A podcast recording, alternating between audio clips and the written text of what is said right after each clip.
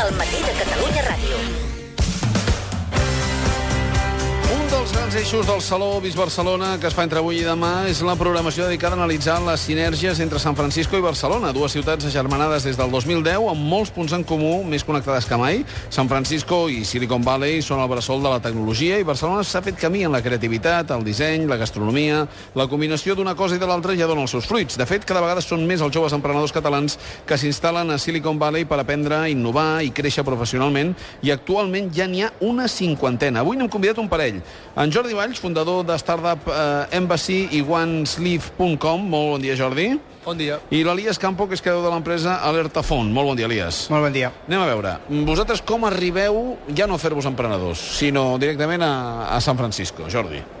Um, jo hi vaig anar, de fet hi vaig anar fa 3 anys amb una iniciativa que es diu Youth de la Fundació Banesto i va ser només una setmana. Mm. -hmm. Em va servir per començar a veure que allò uh, d'alguna manera o altra hi havia d'anar a parar. I l'any passat, gràcies a un programa que es diu Imagine, d'un emprenedor català que és el Xavi Verdaguer, vaig aconseguir pues, estar-hi en aquest programa un mes. I la idea després del programa era tornar, estar-s'hi un dies i tornar, però una cosa va dur l'altra, vaig conèixer, suposo, la gent adequada també, et vas animant, i em vaig quedar, i m'hi he quedat de moment un any. Quin era, quin era el neguit inicial que, que et portava a pensar en San Francisco? Què és el que hi esperaves trobar i què és el que hi has trobat? Um, suposo que no... Es, esperes trobar gent com tu, suposo, amb ganes de projectes i tal, i al final això ho he trobat. Uh, dir, al final és ganes d'entendre com funciona aquell ecosistema, tot per què les empreses que neixen allà neixen allà i no neixen aquí, eh, com pots conèixer, hi ha un punt fins i tot de, diguéssim, de fan, no? de dir com puc conèixer aquesta gent que fa aquestes coses, entendre-ho i ser un d'ells. No? Al final és com mm -hmm. qui vol jugar a futbol i vol anar al Camp Nou, ni que sigui veure-ho. No? Ja. Doncs vas allà com a espectador primer i mica en mica sembla que d'espectador comences a passar a donar-te de que pots participar de tot aquest espectacle. no? Elias, tu també anaves com a fan o no? Jo vaig començar venint a conferències aquí a Barcelona d'aquí, estudiava emprenedors globals que vinguessin a parlar a Barcelona i ens venia a les conferències, els intentava trobar i els coneixia. I els explicava el que volia fer, explicava les meves idees i a poc a poc, després de Barcelona vaig anar a altres conferències a, a Boston, a l'MIT o a Amsterdam, també coneixent emprenedors globals i els explicava, escolta, jo tinc ganes de fer això, vull fer això.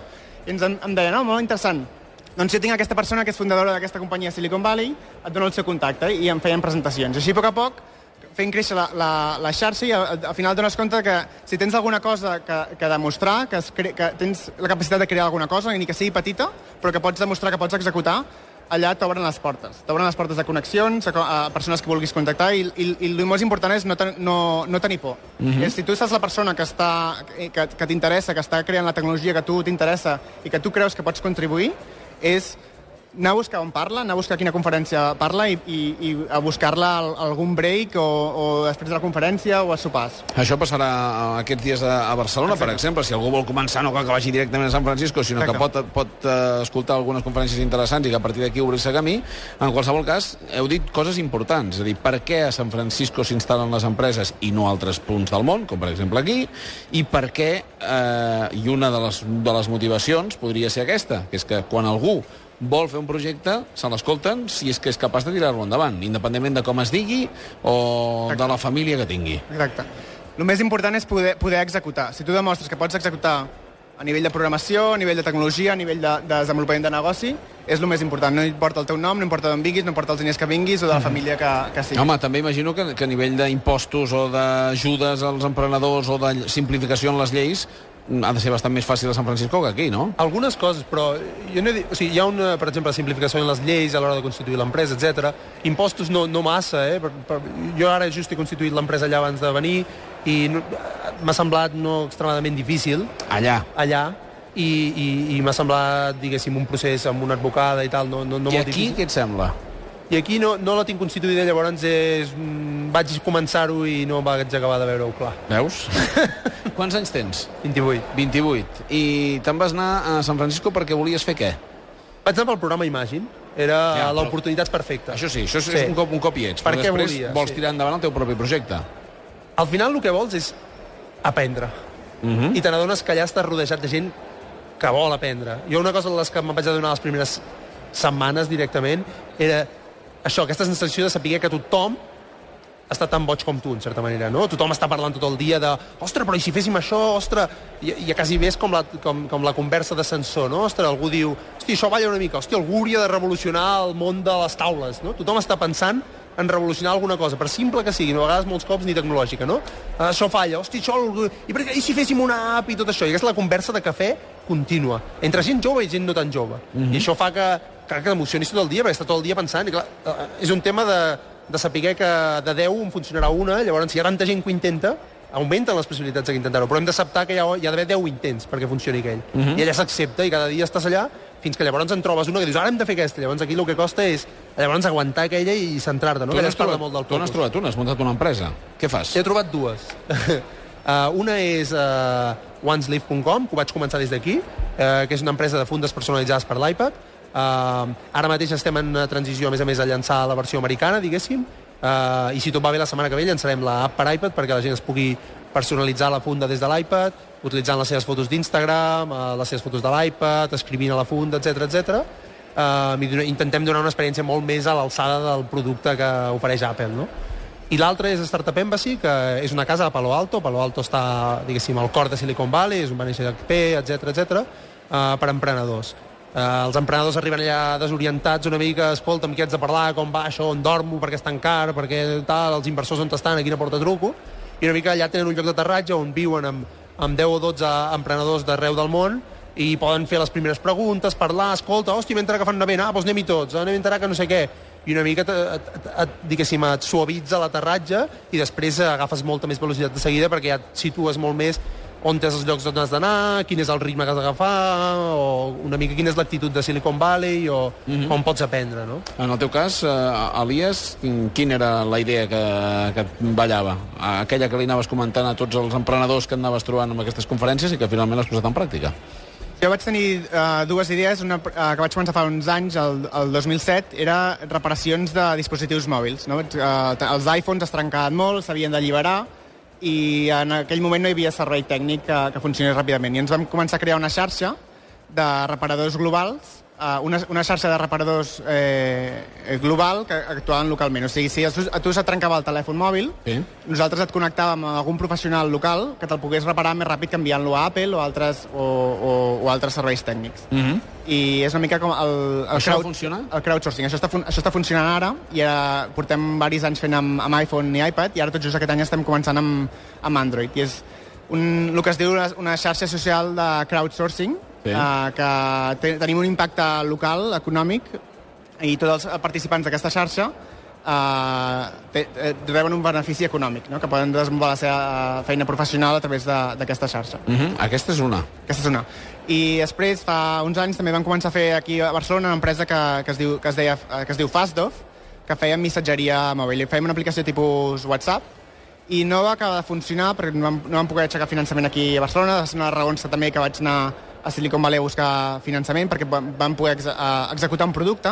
Allà vam ensenyar la nostra tecnologia que havíem pogut desenvolupar i una empresa que era el nostre competidor, els hi, tot el que teníem fet, que nosaltres aquí pensàvem que era, era, era poquet, allà els hi va interessar molt. Els hi va interessar, WhatsApp. Uh, WhatsApp, primer un altre, i WhatsApp també els interessa molt el que volíem, el que, el que volem fer, i la, els agrada molt la, la visió que teníem de nivell de producte, que coincideix molt, molt amb, la, amb la seva visió, i els interessa també el nostre coneixement de, de com coneixem a, a Espanya, els països de Latinoamèrica, a Europa, perquè ells són un equip molt petit, són 40 persones, 40 persones fan WhatsApp. Exacte. I ens els interessa, són allà a, a Mountain View i els interessa molt doncs, conèixer com, com s'està funcionant WhatsApp a altres, a altres països. És a dir, que tu, doncs, en certa me- mesura, podries haver nascut com un competidor de WhatsApp i finalment t'has convertit en un col·laborador de Exacte. WhatsApp. El, el, el, el, el simple fet de lluitar per aconseguir alguna cosa, el, simplement de- de- d'intentar uh, fer realitat la teva visió, és suficientment important per atreure després interès d'altres companyies que estiguin a la, mate a la mateixa àrea. O sigui que un fracàs, en aquest cas, que no van En poder... parlarem de seguida, de- d'això, de, de com s'aprèn dels fracassos. Exacte. no, al, fr- en el fons no és mai un fracàs. En el teu cas és un fracàs perquè eh, crec que fins i tot t'han estat a punt de comprar la companyia. No va, no va ser aquesta, sinó una, una altra companyia, però al fin, vam estar en converses i al final ens van fer anar tot l'equip a, a San Francisco, després als, als seus headquarters, i al final no va passar res, però va ser una experiència molt interessant. Com una empresa nosaltres de 4 o 5 persones que estàvem treballant aquí, que pensàvem que no estàvem fent res, atraiem l'interès d'una companyia gran de, de, dels Estats Units, no? que sempre veiem allà com si fos oh, Silicon Valley algo que no, podem, que no, mai no, no podrem accedir, doncs és una mica el descobriment de collons, aquí tenim talent, podem fer coses i el que fem és suficientment important com atraure l'interès de, de companyies que nosaltres eh, veiem com a, com a referents. No? Quants anys tens tu, Elias? Jo 29. 29 anys i quina formació? Uh, enginyeria en telecomunicacions, mm -hmm. a la Salle. I en, i en el teu cas? Jo, publicitat i relacions públiques. Vull dir que al final, eh, ben formats i amb ganes i amb empenta, eh, podem competir al món. Exacte, I tant. completament. I tant, sense cap dubte. I, i, i cada cop hi ha, més hi ha, hi ha casos de companyies, com per exemple la companyia que es diu Waze, que es fan el GPS eh, social, tenen tot l'equip tècnic a, a Israel, allà són cent i pico persones, eh, amb, un, amb un talent que el podem comparar amb el talent que tenim aquí d'enginyeria, i allà a Silicon Valley només tenen 15, un 10-15 persones que fan les connexions, premsa, desenvolupament de negoci. Sí, jo crec que aquests models d'utilitzar la, la, la, la potència de Silicon Valley com a, a nivell de connector de diferents eh, econòmic, de premsa, de, de, de connectar amb altres companyies, i però mantenir el desenvolupament o la tecnologia en el país d'origen és un model totalment viable per, per, per, per Catalunya i, i, i per Espanya d'aquí. Ara mateix com, com veieu el, el vostre propi futur? El veieu aquí? El veieu fora d'aquí? Jo personalment el veig, el veig a, a Silicon Valley. Jo crec que hi ha moltes coses que, que hem d'aprendre d'allà, però sí que tinc molt clar que m'en- m'enyoro de casa, m'enyoro de Barcelona, m'en- m'enyoro de les nostres cultures i... Però te'n vas allà, eh? Jo no, jo, jo, jo tinc Però intenció... No, no, jo penso que és, és, és el mix, exacte. Ell diu, ell, ell diu això, però al final sap que tornarà i que, i que al final... Jo, per exemple, ara tinc intenció de quedar-me una bona temporada, tot i que hagi constituït l'empresa allà, perquè puc treballar des d'aquí i llavors haurem de veure com, com ho conjuguem, això. Però, però jo penso que i més la crisi, està fent una mica de neteja la crisi, no? No vull ofendre ningú perquè segur que hi ha gent que, que ho està passant molt malament, però, però, però veig, veig coses bones que estan començant a sortir d'aquest eh, moment de patiment, diguéssim.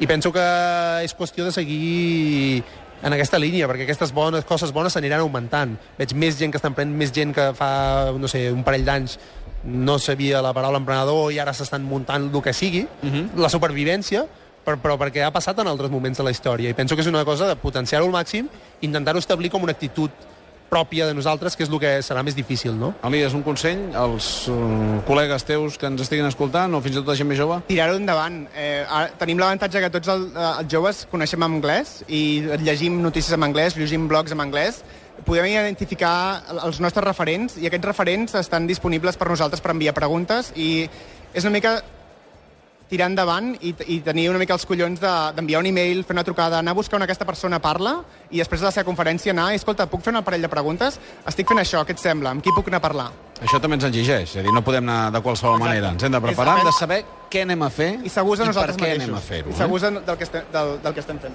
És a dir, menys papenatisme i més fer coses. feina, exacte.